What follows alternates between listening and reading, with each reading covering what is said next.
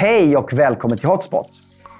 Idag ska jag samtala med min gäst om de marxistiska idéerna, hur de har påverkat Sverige. Genom 68-rörelsen får marxismen ett nytt bränsle och sprids via universitetsstudenterna till övriga samhället. Den kulturrevolutionära synen som 68-rörelsens aktivister tar med sig till olika samhällsbärande institutioner kommer att påverka den allmänna debatten kring områden som familj, kyrka, näringsliv, media och kultur. Frågan jag ställer till vår gäst är om vi från 68 och framåt får marxistiska glasögon som färgar vår syn på dessa områden. Dagens gäst är Torbjörn Aronsson som är filosofie doktor i statsvetenskap och professor i kyrkohistoria. Välkommen till att lyssna på vårt samtal. Hej och välkommen till Hotspot, Torbjörn Aronsson. Stort tack för möjligheten att mm. komma hit.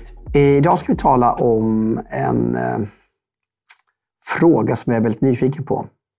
Och Det är hur marxistiska tankar har påverkat Sverige. Ja.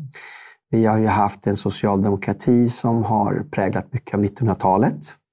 Det finns ju liksom en, en bottenplatta av marxism där förstås, som är socialister. Ja. ja. Eh, men det sker ju någonting under 68-rörelsen där marxismen förnyas. Ja, exakt. Ja. Eh, så att i socialdemokratin så eh, förlorade marxismen i aktualitet när Socialdemokraterna fick regeringsställning. Och sen har det funnits enskilda Varför grupper. utopiskt för dem? Eller? Ja, exakt. Och också eh, gav ingen vägledning hur man skulle faktiskt förvalta makten när man fick den. Därför att marxismen går ju ut på att eh, kapitalismen, marknadsekonomin, ska kollapsa så småningom. Eh, och, och, frågan är vad gör man fram tills kollapsen sker? Eh, och då eh, så blev ju svaret för socialdemokrater som verkar i en parlamentarisk demokrati att eh, använda statsmakten helt enkelt för att flytta fram positionerna för socialistiska idéer. Då. Mm. Och använda statsmakten för att främja ett samhälle präglat av socialistiska för våra idéer. För våra tittares skull, ja. hur skulle du vilja skilja på socialism och marxism? Ja, Marxism, I praktiken? I praktiken så eh, marxismen har sina rötter i eh, Karl Marx idéer som var en, en slags analys dels av hur samhället fungerar eh, och sen för det andra då en, en prediktion om hur samhället i det långa loppet kommer att utvecklas och förändras. Så att han eh, var politiskt aktiv, men det var inte det politiska som eh, egentligen eh, var det centrala. Eh, han verkade innan demokratins genombrott också för övrigt. Eh, utan han analyserade samhället och, och menade att han kunde förutsäga att eh, kapitalismen eller marknadsekonomin skulle bryta samman. Att den skulle leda till ökad fattigdom och ökad ojämlikhet som sen skulle leda fram till våldsamhet och revolution. Han talar om materialistisk historiesyn, där ja, exakt. historien har sex olika faser som då följer på varandra ja, naturligt. Och det är materiella faktorer som spelar roll för historiens ja. utveckling inom situationstecken. Och olika sociala klasser eh, står i motsatsställning till varandra beroende på vilken roll de har i relation till ägande av produktionsmedlen. Så att det är de som äger som äger kan man säga. Det är de som bestämmer. Och de som inte äger har ingen makt. Mm. Men hans tankar lägger ju ja. grunden för socialismen i mångt och mycket. Det fanns ju socialism innan Karl Marx också. Men han är den stora ideologen. Så vad är då skillnaden mot socialister Ja, man kan säga som social... är socialdemokrater. Ja, alltså, skillnaden är framförallt synen på demokratin. Mm. Att, eh, det fanns socialister före Karl Marx och, och eh, när Karl Marx idéer inte slog igenom eh, och arbetarrörelsen var organiserad, man hade fackföreningar och så vidare och man såg att om vi är många så kan vi påverka de faktiska levnadsvillkoren genom politiskt handlande och genom fackligt handlande. Så, så eh, bestämde man sig att, att använda den möjligheten istället för att vänta på kapitalismens sammanbrott. Så att då så börjar man dels förhandla med arbetsgivare istället för att eh, eh bara göra uppror i största allmänhet. Man hjälper Marx idéer på traven då? Ja, exakt. Och man kan säga också att man, man insåg att det fanns väldigt mycket utopi i det och att Marx inte heller hade eh, i sina ursprungliga idéer förutsett de möjligheter som demokratin och det parlamentariska styrelseskicket gav. Man kan säga att det, under, hans, under sitt senare liv så, så fanns det öppningar hos Marx för att man via eh, parlamentarisk demokrati faktiskt kan göra eh, positiva förändringar. Eh, men eh, sen har vi då marxism-leninismen som växer fram där Vladimir Lenin och den ryska socialdemokratin radikaliserar Marx idéer i en starkt revolutionär riktning eh, och genomför revolution i Ryssland. Eh, Tysk socialdemokrati och svensk efter den går den andra vägen istället. Att man inriktar sig på att använda parlamentarisk demokrati för att skapa bättre levnadsvillkor, och, levnadsvillkor för arbetarklassen. Så Marx kommer inte betyda lika mycket för Socialdemokraterna längre? Nej, precis. Man kan, man, kan, man kan, säga så här att, att eh, för en del socialdemokrater under 1900-talet, liksom för samhällsvetare fortfarande idag och, och eh, personer som försöker analysera samhällsutvecklingen så kan man erbjuda Marx eh, filosofi och, och hans eh, analys ett redskap för att göra det. Alltså sociala klasser kan finnas i ett samhälle och finns oftast och motsättningar mellan dem kan också ge uppslag till eh, och förståelse för hur samhället kan utvecklas. Så att som en slags samhällsvetenskaplig teoribildning så eh, kan Marx idéer vara aktuella i olika tider. Men den här revolutionära potentialen då och revolutionära inriktningen som Marx hade, den övergavs av Socialdemokraterna. Men den återupplivades under 1960-talet mm, och det kom nya varianter av den. Precis, jag tänkte komma till det. Ja. Vi har ju en förnyelse av marxismen. En stark då, förnyelse, absolut. Som kommer via studentrörelsen, ja. 68-rörelsen. Eh, och får ett väldigt stort inflytande i Sverige. Hur kommer sig att 68-rörelsen får ett sådant inflytande i Sverige? Precis. Vilka är det som öppnar man, man dörrarna kan, för det? Man kan skilja på två saker. Ja. Den ena är idéerna som kännetecknar den här rörelsen. Det andra är orsakerna till att idéerna fick genomslag. Och I tredje skulle man kunna säga då, de unga eh, de rörelser av unga människor som tog upp idéerna och sen satsade på att försöka genomföra dem. Då.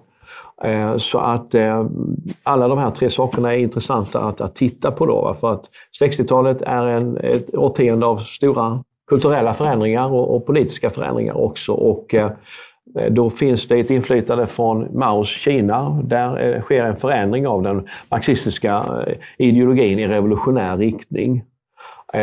Och det kommer också nya typer av marxistisk filosofi där man vill förena då Marx eh, syn på eh, klassamhällets förändring och, sociala motsättningars roll för historisk utveckling med intresse för kulturfrågor som vi har varit inne på här. Kulturmarxismen. Ja, exakt. Herbert Marcuse framför allt som, ja, som såg på då, förändring av, av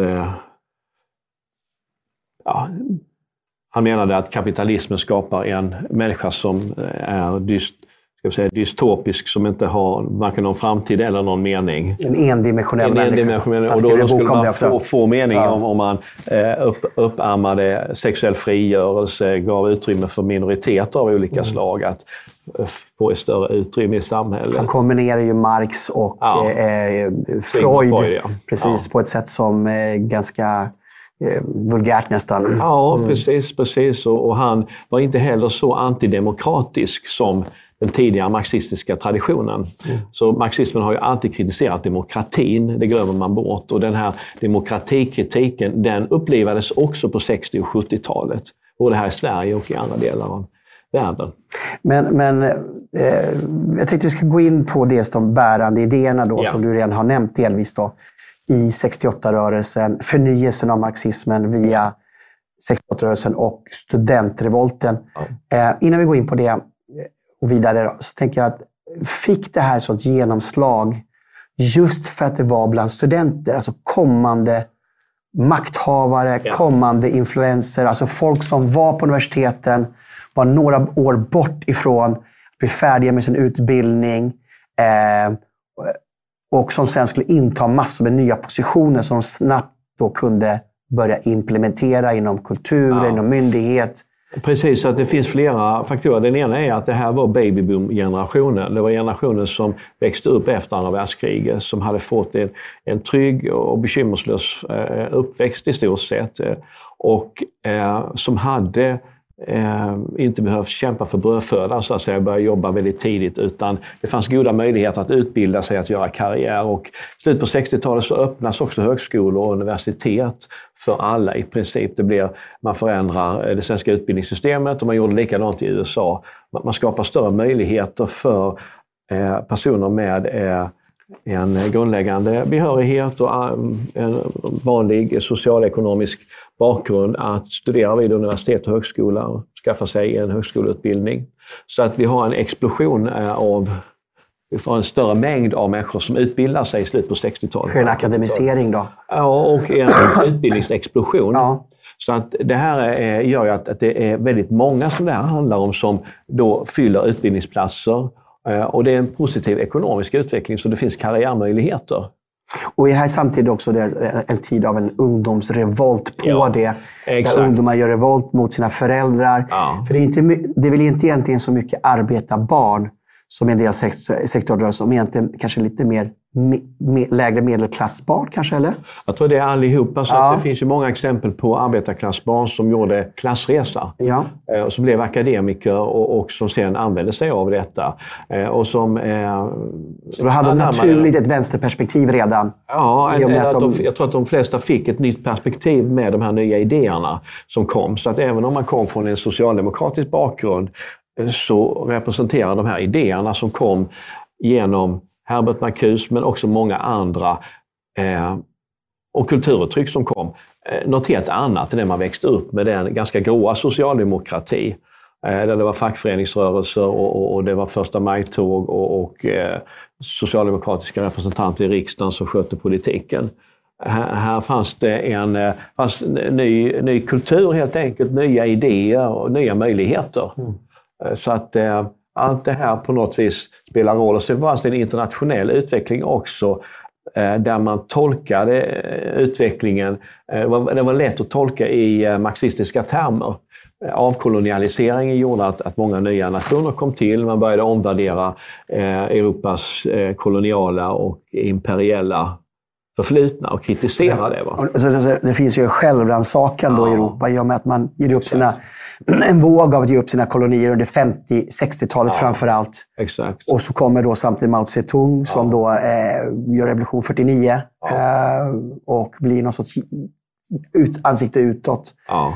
för, för kommunismen tillsammans med Che Guevaras ja. Eh, revolutioner borta i Kuba, ja. Fidel Castro. Precis, exakt. Ähm, så det, har, det ser ut som att, att socialism och kommunism är på frammarsch till ja. framtiden och att de har rätten på sin sida. Inte minst Vietnamkriget då skapade eh, en ny bild av USA där man börjar ifrågasätta USA. Från att ha varit väldigt Amerikavänligt så får vi en generation som dels inspirerad av amerikansk vänster också börjar kritisera USAs roll i världen. Mm. Så att det är liksom en, en, en radikal om, ombildning, omvändning och där passar den här nya typen av marxism in då.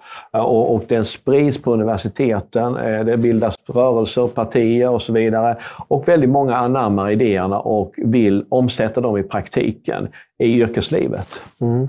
Och om du skulle då ge då ett par uttryck för de här nymarxistiska idéerna Eh, vad, vad, är det då som man, som man liksom vill genomföra här i Sverige?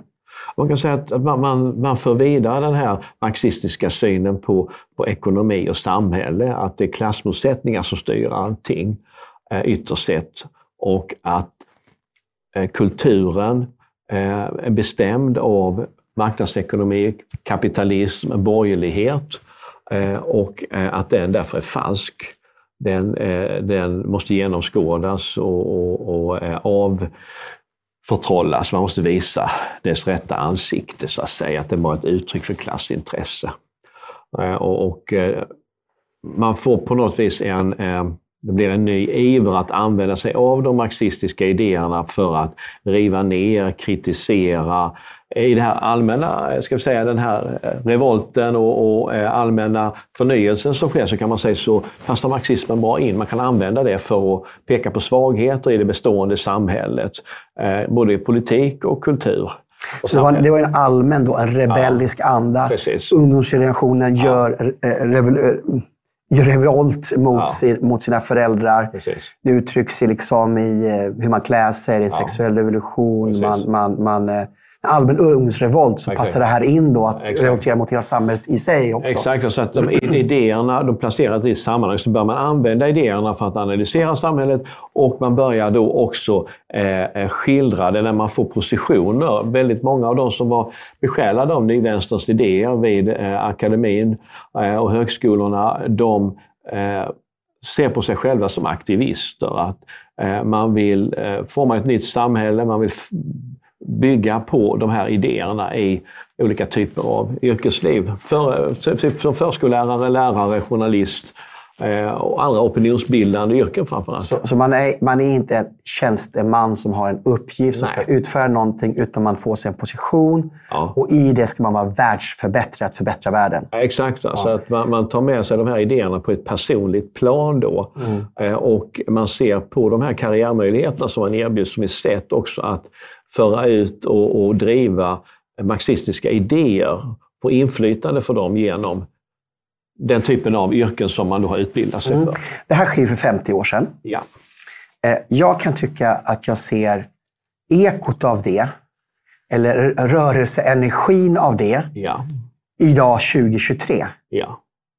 Eh, Skulle du hålla med mig i det om jag säger så? Ja, jag tycker det. Alltså det jag har frapperats över det många gånger. Ja. Att, att man, kan, man kan se att det är vissa marxistiska grundinställningar som, har präg, som präglar nyhetsrapportering, analyser, samtal på olika områden i, Sverige, i offentligheten. Mm. Att det här kan påverka utbildning, det påverkar media, påverkar kultur och kyrka eh, vissa fundamentala eh, marxistiska utgångspunkter. En del av det här måste ju liksom ha dött bort längs tiden och en del lever kvar idag. Vad, Ja. vad, skulle du säga har dött bort längs tiden då som satte igång av väldigt revolutionära tankar och att förändra vårt samhälle då på 60-70-talet som sen visade det fungerar inte, det är borta. Och vad skulle du säga är kvar idag och har inte förändrats, till och med förstärkts? Bra fråga. Eh, jag, tror, jag tror att den eh, glorifiering av kommunistiska regimer som var väldigt vanlig på 1970 och 80-talen, eh, den, den dog. Pol Pot 80 i Kambodja, Mao Zedong i Kina. Och kommunismens hela avveckling. Ja. Och, och, och glädjen över att demokratin hade vunnit. Alltså det, det innebar att kommunismen som lösning på samhällsproblem var över i princip. Alltså den hade inget att erbjuda befolkningarna, kastade av den som ett ok. Då, va? De som hade trott på kommunismen hade haft fel, kan man säga. Så man, man hade inga länder man såg upp som något föredöme längre, att Nej. vi ska bli lite Man kan säga att man ville Det- kanske fortsätta se upp till eh, Kuba och, och några länder till, men, men de kommunistiska regimer som man försökte glorifiera, de visade sitt rätta ansikte efterhand. Då. Det gällde både Kina och det gällde eh, Kuba, också även Vietnam. Eh, Så att en, en omvärdering skedde också av de här tredje världen-länderna som man glorifierar. Så man kan säga att det, det har dött bort. Ja, i princip. Alltså, Ja. det där kan man diskutera och titta på. och Så där, men det mesta av det tror jag har försvagats och försvunnit, även om det kan finnas kvar i enskilda grupper kanske. Men det är liksom eh, eh, någonting som man kan studera också. Eh, bilden av Kuba Mm. under 50 år i Sverige. Det tycker jag skulle vara intressant att, läsa en avhandling om. Har den förändrats? Eller ej? Va? Ja, men vi, vi hör ju aldrig om Kuba idag, så du troligtvis har det förändrats och Castro är död och så. Men, men är det några fler frågor Ja. vi går in på det som finns Ja, kvar? jag, jag tror också att, att det fanns... vill identifiera vad, vad är de här marxistiska glasögonen säga- som har präglat Sverige? den, den, den fientligheten som har funnits mot eh, företagande i allmänhet och marknadsekonomi har försvagats. Eh, så att vänsterparti och kommunistiska representanter talar inte om sig själva längre som kommunister. Eh, och eh, även om man ifrågasätter marknadsekonomi och kapitalism eh, så gör man det i, i mer eh, mer kamouflerade ordalag, skulle jag säga, än vad man gjorde tidigare. Just det. För, för, för, på den tiden, då, 70-talet, jag har ju pratat med en del företagare, så att, alltså, jag kände mig som en skurk om jag var småföretagare. Jag kände mig jagad. Till och med polisen tittade snett Ja. på mig. Exakt. berättade en företagare till mig att det fanns en väldigt, väldigt eh, skeptisk och misstänksam syn på småföretagare. Men den är ju borta idag.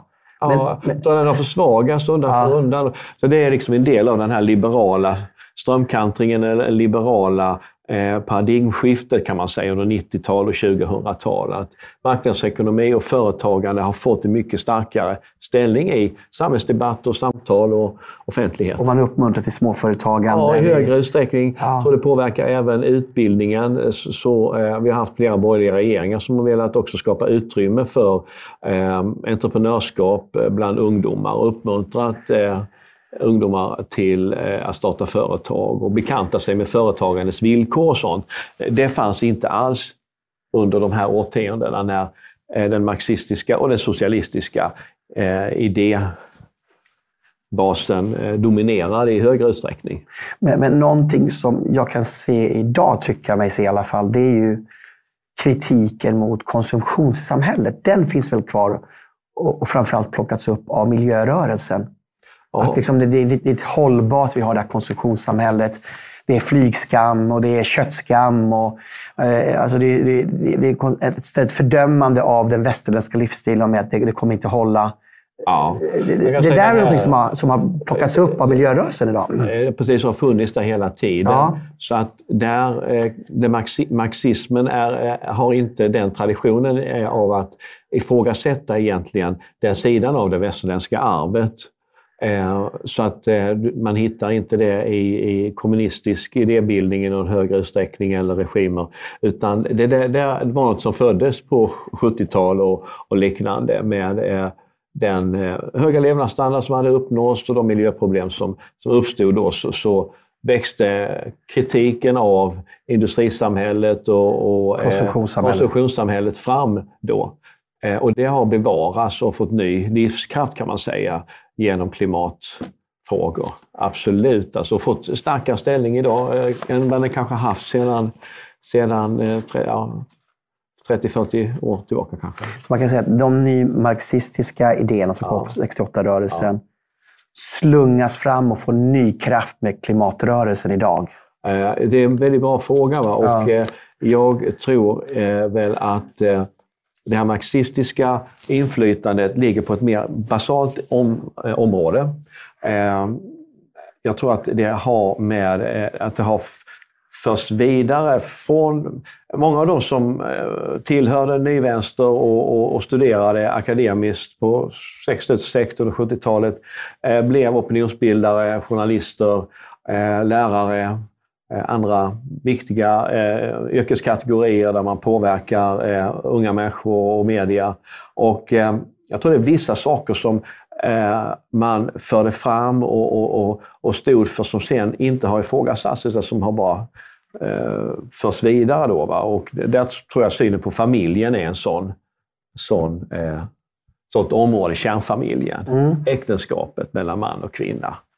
Eh, och synen på eh, religion också. Mm. Om vi ska ta några områden, vi har tagit ekonomi nu, ja. företagande. Eh, det har ju funnits en, eh, som vi sa, en skepsis till småföretagandet. Ja. Men det har ju ändrats i och med 90-talet väldigt mycket. Så, så, så ja. blev det positivt syn till småföretagande. Nästan jobb skapas i småföretag. Jag tror sedan 1990 fram till nu har skapat nästan en och en halv miljon jobb ja. inom, inom, eh, bland småföretagare. Ja.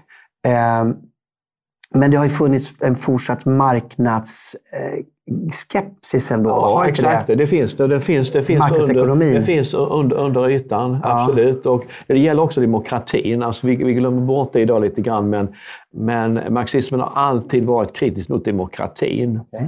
Eh, man har sett det som ett borgerligt påfund, eh, någonting som aldrig eh, ger möjlighet för folkets verkliga vilja. Då, va? Utan den kommunistiska lösningen var ju proletariatets diktatur.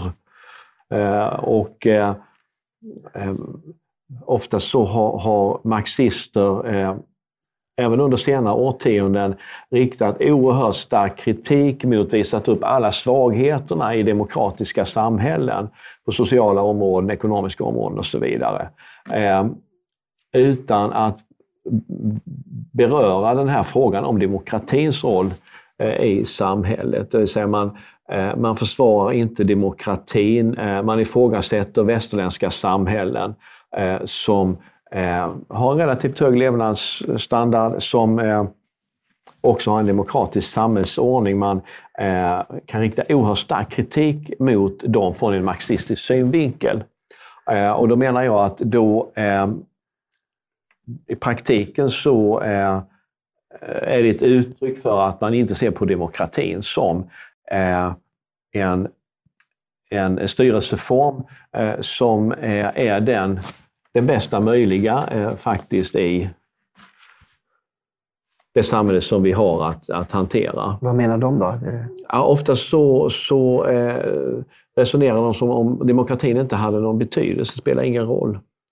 Eh, man kritiserar ofta USA oerhört starkt. Amerikabilden, om man följer den i, i svensk media, så, så eh, har den ofta varit väldigt negativ. Ungefär samma bild som, som har förts fram under flera årtionden.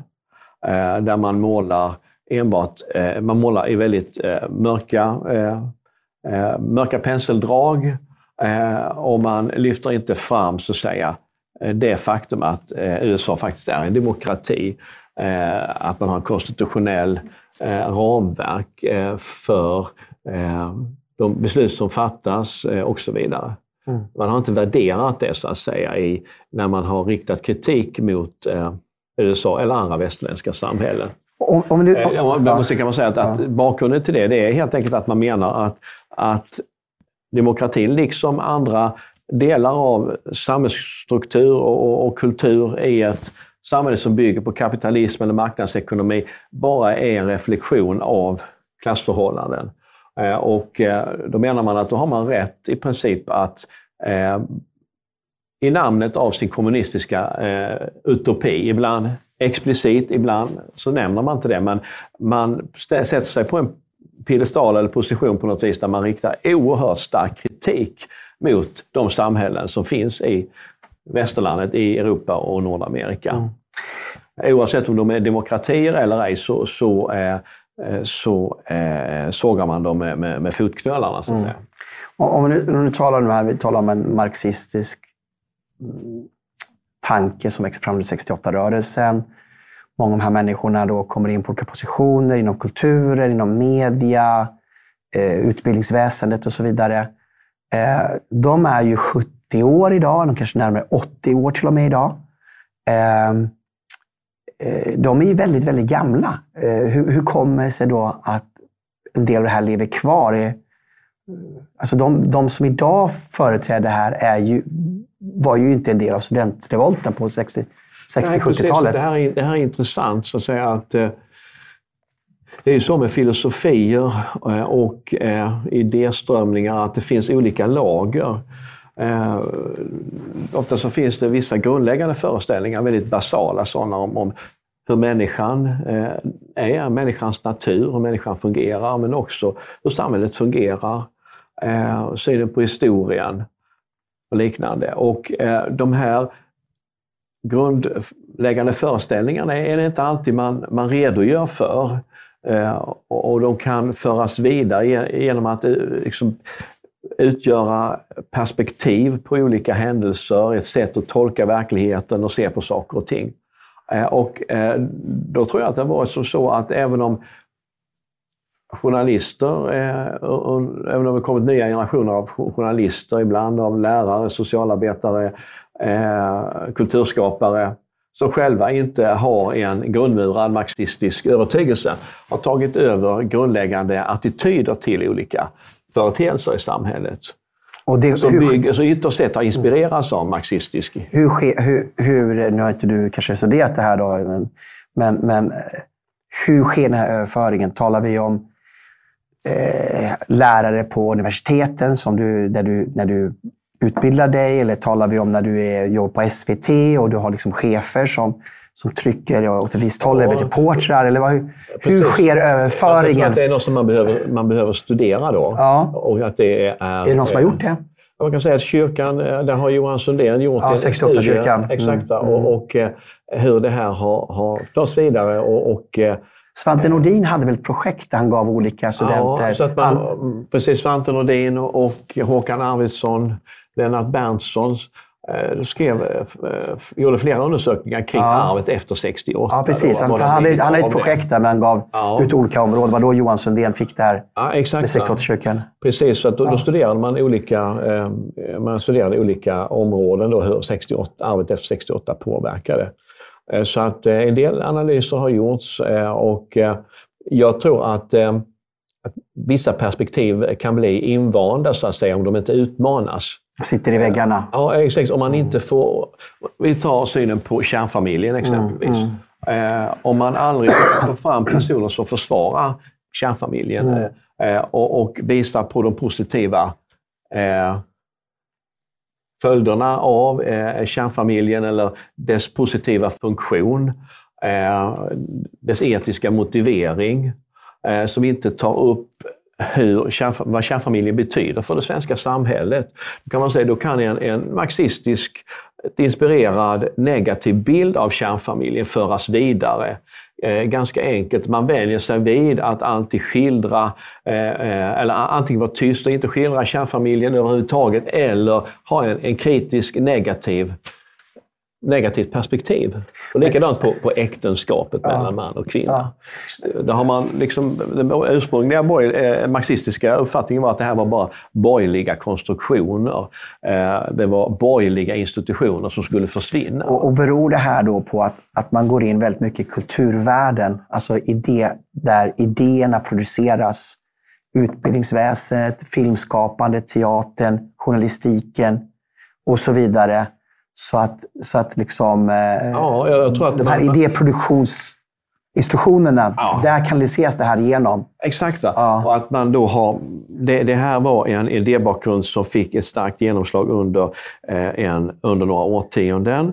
Eh, bars upp av personer som var inflytelserika och sen utmanades inte detta i offentligheten tillräckligt kraftfullt. Eh, Därför lever det vidare. därför lever det vidare. Man kan säga när det gäller... Man sätter en boll i rullning och bollen bara fortsätter rulla av sig själv. Man, man skildrar eh, liknande eh, företeelser på basis av hur andra har skildrat det. Eh, inte eh, på basis av hur det faktiskt är och fungerar. Eh, och och, och eh, inte utifrån eh, samtal och debatt, utan man för vidare ett sätt att se som man har fått från Jag de tänk- som har gått före. Just det, jag, tänker väldigt mycket på exempelvis filmvärlden, att man alltid problematiserar Ja, familjen. Man, alltså det, finns, det finns en upplösande exakt. åder hela tiden i den här 68-rörelsen. Man ska problematisera kyrkan, man ska problematisera företagande. Man ska alltid problematisera utan egentligen komma med något annat alternativ. Utan det, det är en upplösande Ja, exakt. eh, som tanke. Exakt, det väldigt destruktiv kritik. va? Alltså man, man, kan, man kan lyfta fram eh, väldigt dåliga exempel på allting i princip och sen så generaliserar man utifrån det. Man studerar inte riktigt vad, vad är det generella mönstret? Hur ser det i allmänhet ut? Utan man, man, man eh, lyfter fram destruktiva exempel eh, och så låter man det göra ut, bli utgångspunkten för en generell kritik. Och man har inget alternativ heller som man visar upp då. Eh, Och eh, bakgrunden till det är ju helt enkelt att den kommunistiska utopin finns som en slags legitimerande, inspirerande faktor. Då, va? Men, men den eh, för man inte fram alltid. Och resultatet blir ju att, att man bidrar till väldigt mycket nedbrytande och den här utopin realiseras aldrig. Det blir aldrig någon verklighet av den. Eh, och eh, man missar också att undersöka hur saker och ting faktiskt fungerar. Att, att kärnfamiljen är, är fortsatt eh, otroligt viktig för den stora gruppen av människor som bor i vårt land. Och äktenskapet mellan man och kvinna är också otroligt viktigt för det, allra, det stora flertalet svenskar. Och varför kan man inte skildra det på ett positivt sätt? Varför kan man inte intressera sig för hur det kan fungera på ett, på ett bra sätt? Just det. Jag, jag har inte sett så många filmer, jag har inte sett så många eh, eh, draman eh, eh, och eh, analyser, kulturella analyser etc. etc. av, av eh, varför det är som så att de flesta lever faktiskt i äktenskap och, och, av någon, någon form i alla fall och i kärnfamiljer och så vidare. Det, det, är, det är som att, som du håller med om det här, men det är som att det, bränslet är kritik hela tiden. Ja, exakt. av det som har funnits. Eftersom det är en borgerlig Ja. idé, om vi tar Ja. familjen, eller vi Ja. talar om kyrkan, eller vi talar om traditioner. Nu var det ju nyligen här en, eh, en kröning här i London som var Ja. ju fantastiskt tycker jag. Det var fantastiskt att se något som var över tusen år gammalt. Precis. Eh, Det är alltid en- kritik emot det här. Däremot om man ska försköna någonting, upphöja någonting, Ja. då är det alltid det udda, det annorlunda, Exakt. det som väldigt, väldigt få håller på med, det som Ja. många människor tycker är bisarrt. Det, det förskönar man, det, Ja. det gör man någonting vackert kring. exakt. Men det som de stora flertal tycker är vackert, exakt. det försöker man smutsa ner. Exakt, exakt. Nej, Man, försöker, man försöker bryta ner det bestående då, va? vad den handlar om. Eh, och varför gör man det? Eh, alltså, på något vis i bakgrunden så finns den här kommunistiska utopin som aldrig kan realiseras och aldrig blir någonting av naturligtvis. Och man har inte problematiserat sina egna utgångspunkter då. Va? Alltså man borde ju problematisera den kommunistiska utopin då, om den är en inspirationskälla till all den här kritiken. Eh, men, det, men det gör man inte då. Men är inte det här grundtanken att det gamla måste bort för att Ja. det nya ska fram? Så Exakt. därför måste man alltid kritisera Ja, det som har varit. Och Ja. medan konservativa säger att det som har varit har ju visat sig fungera. Exakt, precis. Medan det nya är oprövat. Medan här då är det det nya oprövade Ja. som måste vara det vackra. Exakt. Eh, Och det, och, och, eh, det, det märkliga här är att man, då, man riktar våldsam kritik mot ett samhälle som har vuxit fram under århundraden, traditioner, synsätt, förhållningssätt som har skapat ett, ett välfungerande samhälle eh, i vårt land med, med eh, få motsvarigheter i världen. Vi är Mm. ett, ett väldigt privilegierat land, på eh, nation och stat på många samhällen på många sätt och vis. Och många människor flyr faktiskt till, Europa och, till Sverige därför att man, man ser ett hopp här, man ser möjligheter här. Eh, samtidigt så eh, har vi under årtionden eh, matats med väldigt, väldigt negativa eh, perspektiv och synsätt på det som har bidragit till att bygga upp vårt samhälle. Det är en märklig paradox. eh, Och, är, är det här, det här, det här nymarxismen, den här marxista glasögonen, är det den också som gör att det finns så mycket självhat emot Sverige, mot den svenska Ja, historien, mot den svenska det. kulturen? Upphöjandet av det nya, det annorlunda, det som liksom är antitesen till det vi är. Är det här också den marxistiska Ja, influensen som jag vi, tror- jag vi tror att ser idag, som lever, lever kvar? Jag tror att det ligger mycket i det. Alltså Ja. Allting som, är, eh, som majoriteten uppfattar som vackert eller gott eller rätt. Eh, eh, det som eh, på något vis har med eh, ett, ett samhälle som, som inte är, är besläktat med det kommunistiska, marxistiska eller socialistiska. Det strävar man hela tiden efter att bryta ner alltså, och, och kritisera, anlägga hela tiden eh, väldigt negativa perspektiv på.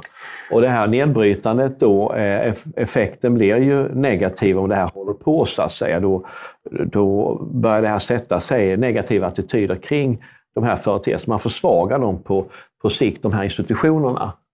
Eh, Men man har inte något att sätta istället. Mm, just det.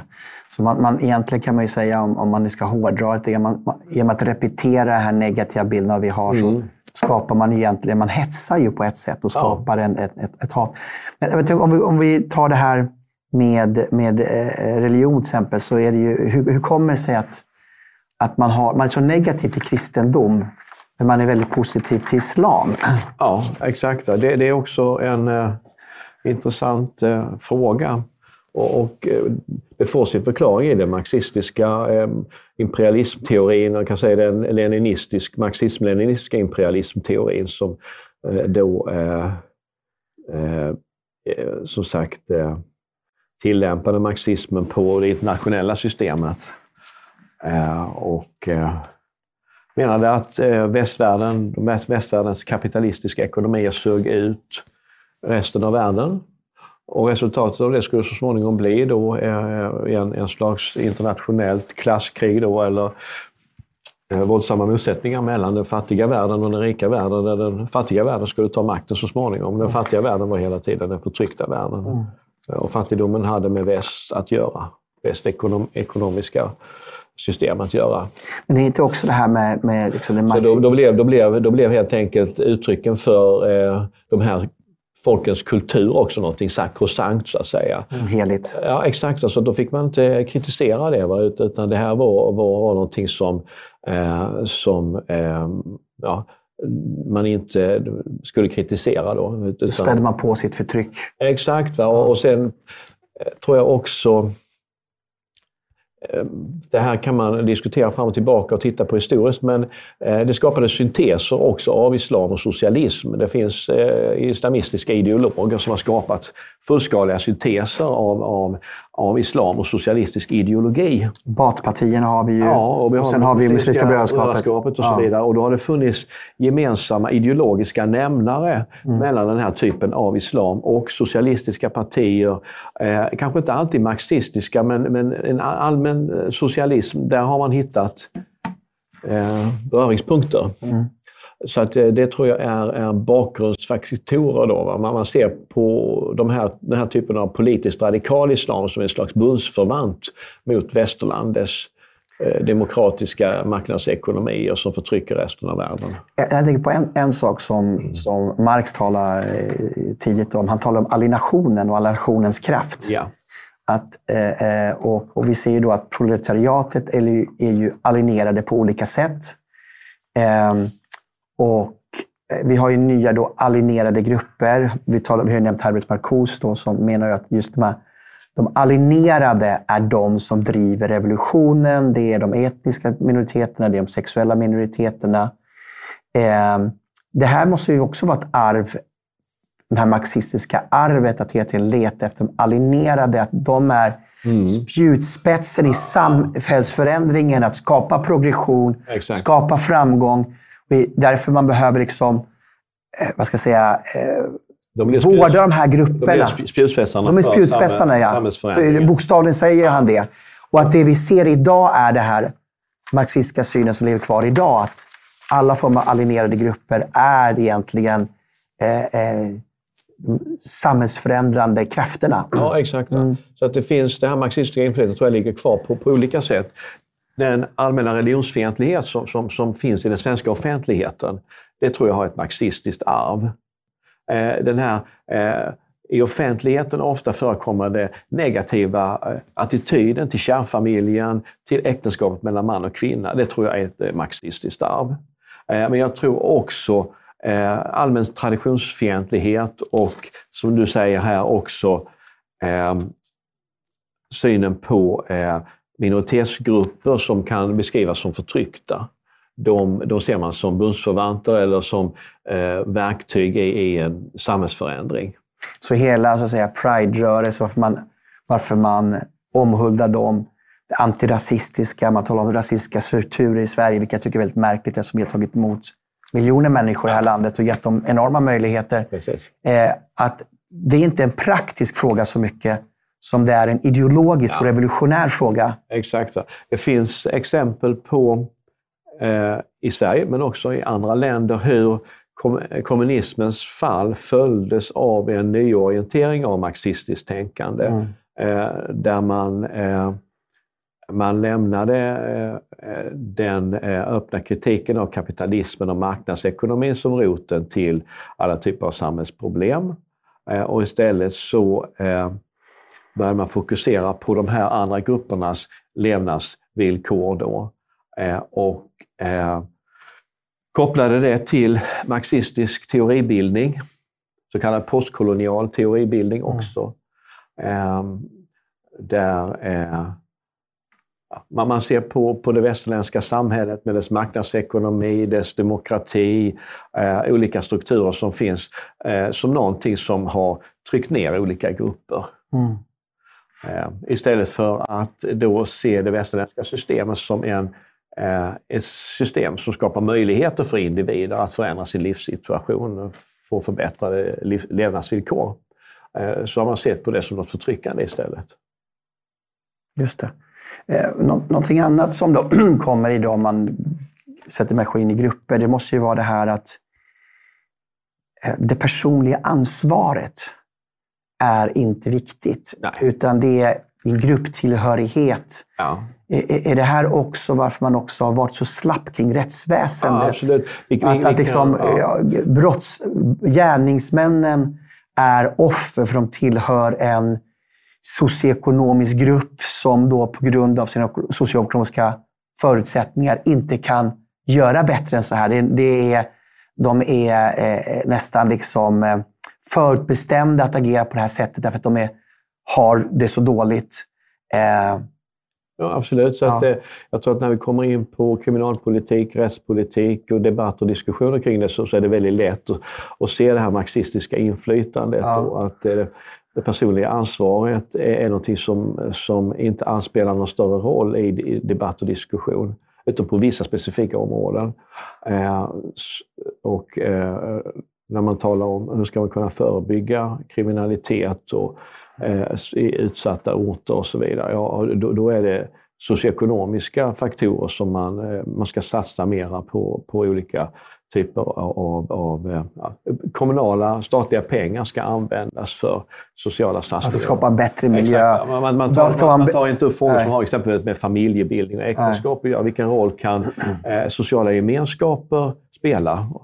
Civilsamhällen, eh, eh, fredliga, eh, eh, icke-kriminella nätverk spela för personlighetsutveckling, karaktärsdaning? Vilken roll kan eh, familjen spela, fungerande familjer och äktenskap spela för en eh, samhällsutveckling där eh, individer inte blir kriminella? Mm. Eh, så att, eh, det tycker jag är ett typexempel då på, på ett marxistiskt, marxistiskt inflytande då i, i debatt och mm. diskussion och politik också. Ja. att man, eh, man hela tiden och sen har det kommit till reaktion mot det, men, men det har funnits en, en lång trend och vi kan se återverkningar av det fortfarande, mm, där man, mm. man aldrig vill beröra då gärningsmännens personliga ansvar och hur man kan, så att säga, att man behöver jobba med, med eh, eh, faktorer som bidrar till att stärka ansvarskänsla. Mm.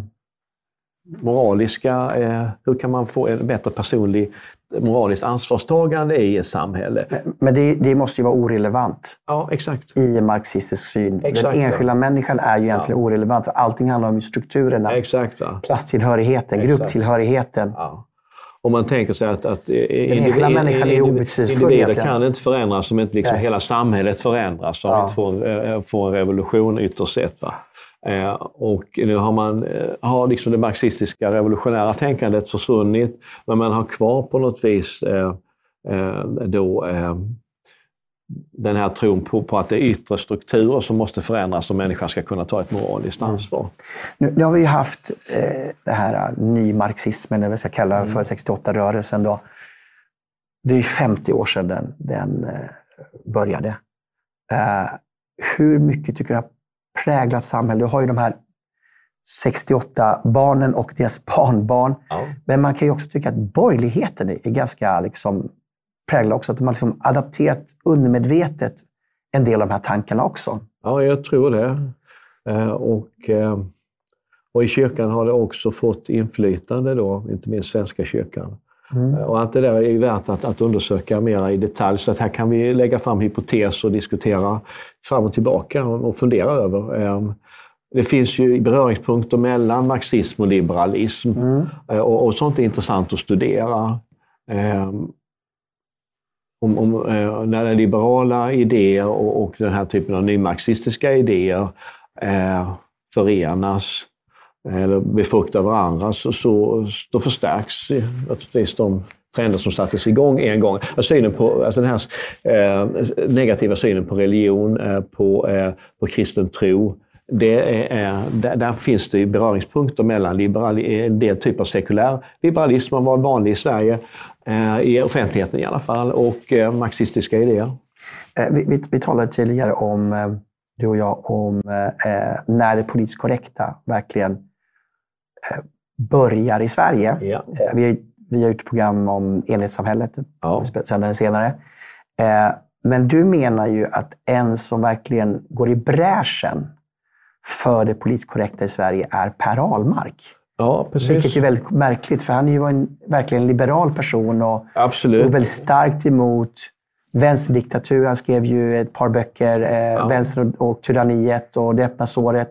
Exakt. Och, och, verkligen bröt en del av 68-rörelsens förhärligande av dessa förtryck, förtryckande regimer som han hade tidigare då upphöjt. Ja. Men du menar att han, han också öppnade vägen för det politiskt korrekta i Sverige? Ja, absolut. Förklara det. Ja, eh, det här marxistiska inflytandet som vi har diskuterat nu har ju inte varit alena rådande, men det har funnits eh, och haft inflytande genom den här generationen som vi beskrev och eh, deras roller i eh, olika opinionsbildande institutioner och, och offentliga inrättningar av olika slag. Men de har ju inte varit allenarådande på något vis. Men de här just de marxistiska idéer som innebar kritik av demokratin, en öppenhet för kommunistiska diktaturer, eh, ett, ett väldigt starkt avståndstagande från marknadsekonomi eh, och, och, och, kritik av det. Det är någonting som försvagas eh, efter 1990 med kommunismens fall. Och jag kan säga att Per Ahlmark gjorde en fantastisk insats i att demaskera det här, att, att avslöja detta inflytande i socialdemokratin och eh, också på borgerliga tidningar. Han skrev om Olof Lagercrantz bland annat som var liberal men blev eh, en, en beundrare av kommunistiska regimer och samhällen. Eh, han kritiserade Olof Palme för att han flörtade med kommunistiska regimer väldigt öppet eh, och visade på hur socialdemokratin varit väldigt släpphänt när det gäller demokratin. Man har inte hållit slag i vakt vid demokratin eh, i olika situationer. Eh, så att eh, det är naturligtvis en, en viktig opinionsbildningsinsats som han gjorde och historia. Han, han diskuterade debatter och, och, och, och eh, idébildning i Sverige under 70, 80, början av 90-talet. Eh, samtidigt så kan man säga att han bidrar till att, att skapa en, en ny eh, smalare liberal överideologi, skulle jag vilja säga, eh, som, som har dominerat under följande årtionden. Eh, och där demokrati, marknadsekonomi, tilltro till internationella institutioner har varit eh, överordnade värden. Eh, och det här är någonting som det här marxistiska inflytandet har varit tvunget att relatera till och anpassa sig till. Så att slutet på 90-talet, början av 2000-talet så, så kommer det här politiskt korrekta och blir allt tydligare. Och vad som sedan har skett, det är att en del av de här marxistiska idéerna, inte minst fokuset på olika typer av minoritetsgrupper då, eh, och eh, den liberala överideologin mer och mer har kommit att förenas. Man har, man har hittat gemensamma nämnare så att säga. Men, men hur kan just Per Ahlmark vara den som banar vägen på korrekt? Jag, förstår inte. Han, han, var ju väldigt frän i sin kritik. Han var, han var duktig på han var, att argumentera. Exakt. Va? Men han, han eh, han ifrågasatte väldigt starkt eh, meningsmotståndare både till höger och, och vänster. Eh, du menar att han var så kategorisk? Han var, o, han, han var oerhört kategorisk. Så kan man säga ja. att, att, han... Eh, eh, jag tycker att han var jätteviktig och jättebra. Mm. Eh, men eh, samtidigt så eh, skapade han, han skapade en förutsättning för framväxten av ett nytt ideologiskt paradigm som sen har vuxit och blivit bredare och mer dominerande. Så att jag tror att han spelar en roll där, men, men eh, sen har andra faktorer bidragit så att säga. Ja, det var inte hans intention. Han, han skapade ett Nej, liberalt Vad han, vad han vill paradigm. göra det på något vis är att, att, att eh, exponera ett marxistiskt inflytande. Ja. Eh, och samtidigt så eh, uttryckte han en oerhört, eh, eh, många gånger kategorisk kritik av konservativa också. Konservativa som accepterade det demokratiska styrelseskicket. Kanske inte lika entusiastiskt som han, men som var, var eh, demokrater. Eh, och eh, kan säga, han, han skapar grunden för en slags liberal överideologi där genom sin, eh, sin kategoriska eh, hållning. Då. Eh, och jag tror att den var välbehövlig då, men i slutändan, när, när man tittar på utvecklingen framöver, så, så, eh, så tror jag att han har bidragit till att vi har fått eh, en inriktning på ren lära. Vi talade ju om det i, i eh, vårt eh, program om, om eh, enhetssamhället, det svenska enhetssamhället, att det finns på något vis en svensk tradition där det här med ren lära, att, att stå för en viss ideologi som är officiellt sanktionerad, har djupa svenska eh, historiska traditioner. Och på något vis så har har vi fått en, en ny sån ren lära under 2000-talet som är en syntes av inflytande både från liberalism och också från så, så, alltså han, han, han, han, genom sin fränhet eh, så smalnade han av vägen menar ja, han, han, Vägen han, blev mer smal för exakt. vad man kunde tycka för vad det som var okej. Okay. Exakt, man kväver ja. debatten kan man säga. För, för, man kan tycka att idag tycker jag att Liberalerna är ganska ja. illiberala faktiskt. Det är liksom. Liberalernas idéer bara som gäller. Mm. Eh, och, och de, liksom, de, är inte så frihetliga som de var tidigare. Nej, utan... man, man, diskuterar mindre sakfrågor då. Eh, eh, utan det viktiga är att, att få kväsa motståndare att acceptera eh, vissa idéer. Då eh, eller företeelser. Vi, vi, hade den här partiledardebatten här ja. nyss om drag queens. Ja. Där eh, Jimmy Åkesson uttryckte reservation eh, och kritik av detta och då fick han som replik från den liberala partiledaren, varför är du så nervös? Eh, det är ju inget sakargument. Eh, tycker man att drag queens är väldigt bra, då ska man ju argumentera i sakfrågan då, varför man tycker kommunala skattepengar ska gå till det. Då kan man ha en saklig debatt om det, men här eh, så ifrågasatte man då eh, den nämnde partiledarens eh, personliga eh, egenskaper Istället för att ta eller sak... tillfälliga humör. Eller? Ja, exakt. Ja. Alltså man, man försöker diskreditera en motståndare mm. för att han ställer frågor och kritiserar någonting istället för att bemöta kritiken på ett sakligt sätt. Eh, och då tycker jag att, att då, då har vi på något vis en, eh, ett paradigm, en överideologi, en politisk korrekthet som inte tillåter kritiska frågor. Då, va? Jag, jag blandar... där, där liberalismen ja. spelar en roll och det är en paradox därför att Liberalerna historiskt sett, ja. inklusive Per Ahlmark, har ju varit oerhört starka företrädare för att försvara yttrandefriheten. Ja. Det, jag, det jag tycker är väldigt märkligt ibland är när jag ser liberala företrädare, det som är i politiken, det som inte ens är kvar i politiken, är, har en oerhört aggressiv eh, ton när de debatterar. Ja. Eh, de har en aggressiv ton på Twitter ibland är eh, lika liksom eh, hänsynslösa eller, liksom inte har, tillåter andra människor avvikande åsikter. Ja. Väldigt rabiata. Ja.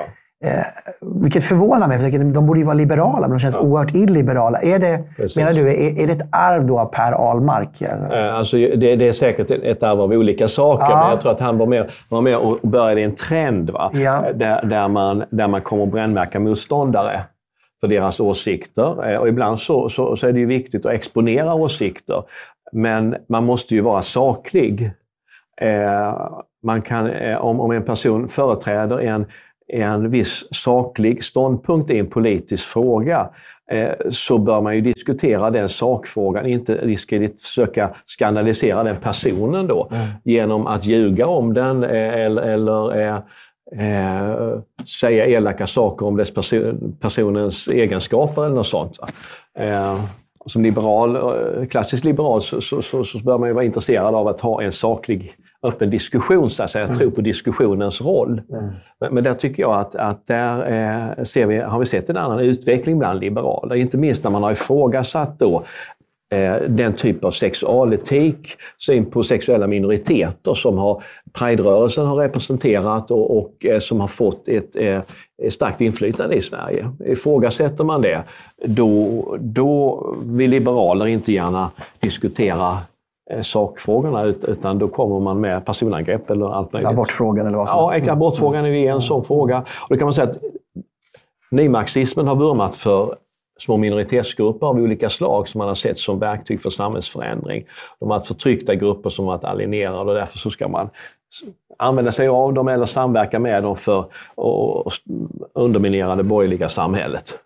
Eh, liberalers eh, eh, syn på eh, sexuell frigörelse, deras politiska uppfattning i frågor som har sexualetisk bakgrund har tenderat att sammanfalla med då nymarxismens syn på minoriteter, inte minst sexuella minoriteter. Och där tycker jag det finns en sammansmältning. Då. Man kan säkert se det när det gäller en del andra frågor också. Mm. Så marxisterna har fått en ny bundsförvant sedan 90-talet framåt? Eller? Ja, exakt. Och att, och det, fått, det har fått också en ny kraft? Exakt, och det blir en slags ny, nytt paradigm som man försöker etablera. En ny ortodoxi eller, eller korrekthet då, som inte får ifrågasättas. ett, ett enhetssamhälle? Ja, exakt. Jag tycker att det finns sådana tendenser. Mm. Alltså när man inte längre är villig att diskutera sakfråga, föra fram argument, lyssna till motståndaren, bemöta det. Eh, utan man kommer med andra typer av eh, diskrediterande, skandaliserande argument. Då, då har, vad är det som är på väg att hända då? Mm. Tack så mycket. Vi började med marxismen, slutar med liberalismen här. Eller liberal, inte liberalismen, för det, det är en, en, idé, utan vi talar om liberaler i Sverige. Men tack så mycket Torbjörn Aronsson. Eh, det här är en intressant fråga att tala om hur marxismen har påverkat Sverige eh, från 68-rörelsen och framåt. Och vi kommer säkert återkomma till det. Tack så mycket Torbjörn. Tack. Och tack du som har lyssnat. Och dela gärna med dig på sociala medier, det här programmet. Och välkommen åter nästa lördag.